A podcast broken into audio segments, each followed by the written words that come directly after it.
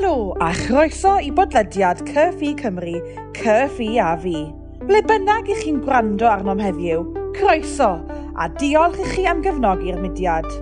Wel, pwy fydd wrth y llew heddi yn tynnu sylw at leisiau gwledig Cymru? Parhewch i wrando i glywed yn ddian. Croeso i bodlediad Clybiau Ffermwyr Ifanc Cymru. Heddiw rydych chi'n ddigon ffodus i glywed hanes dau ffarmwr o Sir Firionydd y sir lle dydy'r môr na'r mynyddoedd byth yn bell. Manon Williams dwi, cadeirydd Sir Feirionnydd, a fi fydd eich cyflwynydd ar gyfer y podlediad yma. I ddechrau heddiw, awna Llion Pew o Frod y Syni. Mae Llion a'i frawd wedi ei hangi ei menter ieir a chreu dyfodol i'w hunan yn y byd amaethyddol. Croeso Llion. Croeso, diolch yn fawr. I ddechrau, dwi'n gwybod eich bod chi'n cadw ieir esblynyddoedd, Ond sut ddaeth y syniad i fynd am y sied fawr? A sut ddechreuoch chi'r busnes ieir? Wel, mae ieir wedi bod yn y teulu ers pan mae'n rhaid dad gychwyn ffarmio. Um, ac ie, mae wedi bod yn ddiddordeb i fi ers o'n i'n ifanc wedyn. A just, dwi'n bod blynyddoedd diwethaf y busnes di ehangu. A oedden ni'n teimlo bod ni angen ehangu fwy um, ar y busnes wyau. Ac wrth gwrs, angen ar y chyfeirio fel mae pethau y dyddiau yma. A felly, iair oedd y ffordd gorau oedden ni'n teimlo i fynd ymlaen. A wedyn, um, ar un i gyd eistedd rownd fel teulu, a penderfynu i hangu i fynd o rhyw 2,000 i yeah, 32,000 rwan. Faint mae'r ieir yn bwyta'r dydd a faint o dail maen nhw'n ei greu? Ydych chi wedi cael eich plesio gen y nifer o wyau ydych chi'n ei gael bob dydd? ar ran bita, maen nhw'n bita am dros y dwr. Um, da ni just dros bedo'r tunnall y dydd. Felly, chi'n gwybod mae, wel, 28 tunnall yr wsnos. Felly, roi tunnall mewn swm i chi. Da ni'n bil ffid ni tua, ie, yeah, 32,000 y mis ar hyn o bryd. Um, felly, mae'n, ie, yeah, mae'n ddil go ddryd. Ond, um, yeah, ond da ni'n eitha hapus fo'n beth ydych chi'n gael yn ôl mewn wyau. Um, a da ni flwyddyn diwetha ddim yn lwcus, mae prisio wyau di cryfhau ers y pandemig. Felly um, mae wedi gweithio'n iawn, er bod pris y blawd di mynd fyny, mae'r prisio wyau di mynd fyny hefo fo hefyd. Um, ac pam gychwyn o'n ei ffordd o ddeiair ar cychwyn dydwar 21 wsnos, um, oedden ni o fewn wsnosau cyntaf, oedden ni fyny i o, tia, 190,000 o wyau.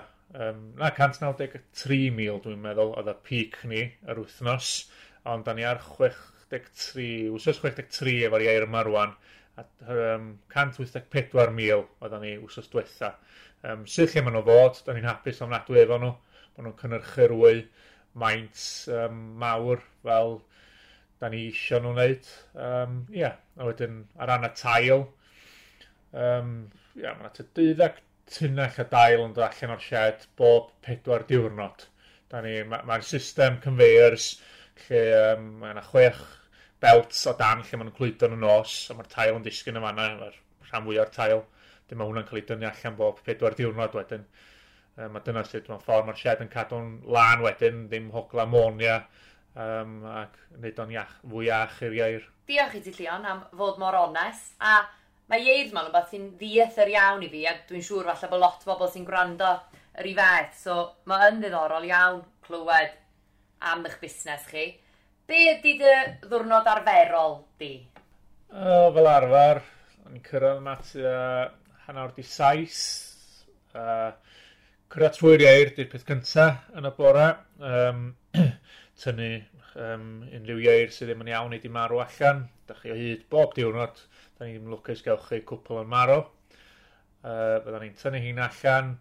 Byddwn ni hefyd yn hel unrhyw wyau um, sydd ar lawr. Um, byddwn ni'n neud hynna peth cyntaf bora a checio bod y blawd ar dŵr yn mynd trwy yn, yn gywir. Lle i wneud hynna o edrych ar y cyfrifiadau yn syml. Mae yna ddwy sgrin i'r ddwy shed a chi'n gwybod, chi gwybod efo'r ffigurau os di rhywbeth yn bod, mae'n glir yn syth. A wedyn, a ni'n cychwyn edrych y belt swyad, mynd tua 8, um, tro cyntaf, oedden ni'n rhedeg nhw rownd, ni'n i gymaint o dwy awr i fynd rownd y tro cyntaf, a just uh, y fi, neu os fydda i ddim yma, dad fydd yn neud hynna. Wedyn, stopio ni ta deg, capanad, no fewn wedyn at y air am ta hanner wedi deg, eto'n hel wya llawr ac unrhyw wya bydd ni'n cael wya system, lle maen nhw wedi dydwy ar y system, mae'r wya yna'n cael ei casglu ar ochr y system, a da ni jyst yn hel nhw efo dwylo. A wedyn, o'n i gychwyn rhedeg eto wedyn, ta 11, fyna ddau ar y lein wedyn, Um, a ie, yeah, fydda ni wedi darfod erbyn ta hanner wedi deuddag um, fel arfer mewn diwrnod. Ie, uh, yeah, dyn, da ni nôl wedyn yn Prynhawn. Sam llawer o'i waith yn y Prynhawn efo'r ieir um, yn gwaith ni, achos bod ni'n gwerthu mor gymaint o wyliau'n hunan. Um, mae 80% o'r wyliau'n mynd ar gontract, um, ond mae 20% da ni'n cadw nhw'n hunan yn gwerthu o dan y brand wyliau dy syni. A wedyn, dyna di'r gwaith prynhawn wedyn. uh, mae'n deud, mae dad uh, a mae ma mrawd Dewi a mam yn gwneud llawer fwy yn y shed ers i pandemig, well, lockdown ddarfod. Um, da ni'n dosbarthu wyau o mae machynllaeth o ddo efo ni be maris. A wedyn mi fydda i rwan allan um, o, tri diwrnod yr wsnos yn delifro ar y fan felly, wrth gwrs mae pawb arall yn ei fwy yn y shed wedyn. Ne, diolch Leon, a dylswn i wedi deud ar y dechrau, wrth gwrs, mae Wia Dysynu ydy y cwmni, felly ne, diolch yn fawr i ti am hynna. Um, lle ydych chi'n gweld eich hunan mewn deg mlynedd, ish? Um, a gobeithio di talu nôl amdano y shed yma. uh, Swn i'n licio dweud arall de, ond uh, dwi'n mwyn gwybod sgai hynna gan y parc cenedlaethol yn beth arall. Ewn uh, fewn i hynny, dwi'n meddwl. dwi'n mwyn gwybod. Na, gawn ni, gawn ni weld. Dwi'n gwybod rwan, un peth allai ddeud, ar hyn o bryd, mae ma dyn ni cael blwyddyn chwyddiannus, a dwi'n gobeithio, gobi, croesi bysedd, dwi'n cario ymlaen yn chwyddiannus, gobeithio medru hangu'r ffarm ychydig bach fwy, ymwneud um, sy'n olygu bod fi am rawd wedyn yn lle dod adre i ffarmio, achos da ni dal im cweith sef o digon o waith i'r dau ohono ni mewn ffordd. Um, chi'n gwybod yma. Felly, sy'n ni'n cael ein hangen bach fwy. Ond na, yn bendant yna, ond sy'n ni gobeithio hangu, chi'n gwybod, mae'n deg mlynedd, gobeithio fydd y brand y syni di hangu dipyn fwy. Um, a falle, dwi'n mynd gwybod, falle fydda ni'n gwerthu rwyau contract erbyn na, fydda rwyau gyd yn cael ei gwerthu ni'n hunan. Sydd um, yn rhywbeth sy'n ni'n licio i wneud, ond eto, mae'n eitha neis. Mae'r contract yna'n security hefyd i'r wyau gyd yn mynd i ffwrdd. Ne, diolch i ti. Ac i gloi, gan mai um, podlediad y ffermwyr ifanc ydy hwn, ac o ti yn amlwg yn arfer, ddim i ddeud oed, ond yn arfer bod yn aelod brwd o Glwb Ffermwyr Ifanc Bryn Crig, oes gen ti hoff atgof o dy amser di fel aelod yn y mudiad?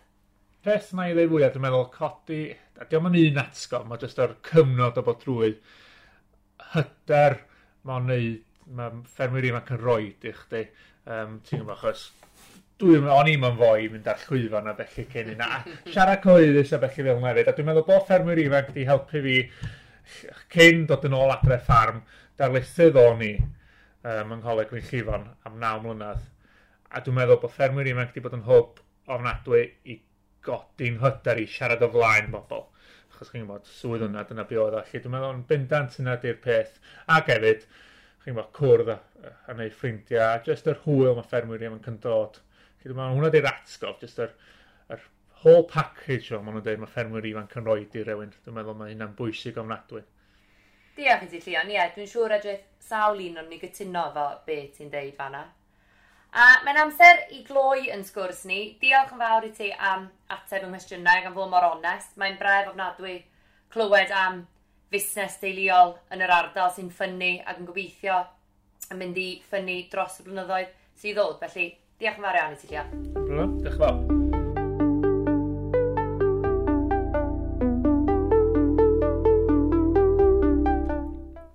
Nesaf, awn at Hedd Pew. Ffarmwr mynydd sy'n byw yng Nghwm Cywarch, Dinas Mawddwy yw Hedd. Mae Hedd yn flaenllaw iawn ar lawer o bwyllgorau sy'n ymwneud â chefn gled. Un o'i brif swyddi yw bod yn gadeirydd Bwrdd Materion gledig NFU Cymru. Croeso hef. I ddechrau, a fysach chi'n fodlon dweud ychydig am eich hanes chi wrtho ni? Wel iawn, um, dwi wedi cael yngeni yn Dinas Mwyddi a dwi ddim wedi symud, dim mond chydig o filltigoedd o lle ges yngeni a ffarmio yn um, Blaen Cywarch. Um, Gen i dri o, o blant, sef Dewi, Owain a Carwyn ac yn briod efo Sian. Dwi wedi bod yn, yn ymwneud â ffermio ifinc es pan o'n i'n 11 oed. Um, felly mae hynna'n mynd nôl sawl blwyddyn bellach. Diolch i chi. A mae hynna'n arwain yn lyflu at y cwestiwn nesaf. So, sut mae'r ffermwyr ifanc wedi dylanwadu ar eich bywyd chi? O, mae ffermwyr ifanc wedi dylanwadu yn ofnadwy achos um, mae wedi rhoi hyder i rywun a mae wedi rhoi, mae wedi rhoi cyfle i rywun wneud pethau na fydde fo'n ddim wedi gwneud fel arall. Um, a felly mae o'n, wel, dwi'n meddwl byddwn ni'n mynd i, i gyfarfodydd ac yn cadeirio cyfarfodydd neu cymryd rhan mewn unrhyw beth ond i bai mm. am y hmm. gyfyn. Mae o'n i roi sylfaen i gyfyn. Mae hynna'n bendant. Ynddi, ynddi, dwi'n siŵr sa, sawl person yn gallu uniaethu efo chi fanna. Um, Mae'r cwestiwn nesaf, gwestiwn hir, sori. Uh, felly, mae gofynion byd amaeth wedi newid yn arw, hyd yn oed yn eich hoes chi hyd. Enillwch i wobr am wella tir mynydd yn ôl y nechrau'r 90au.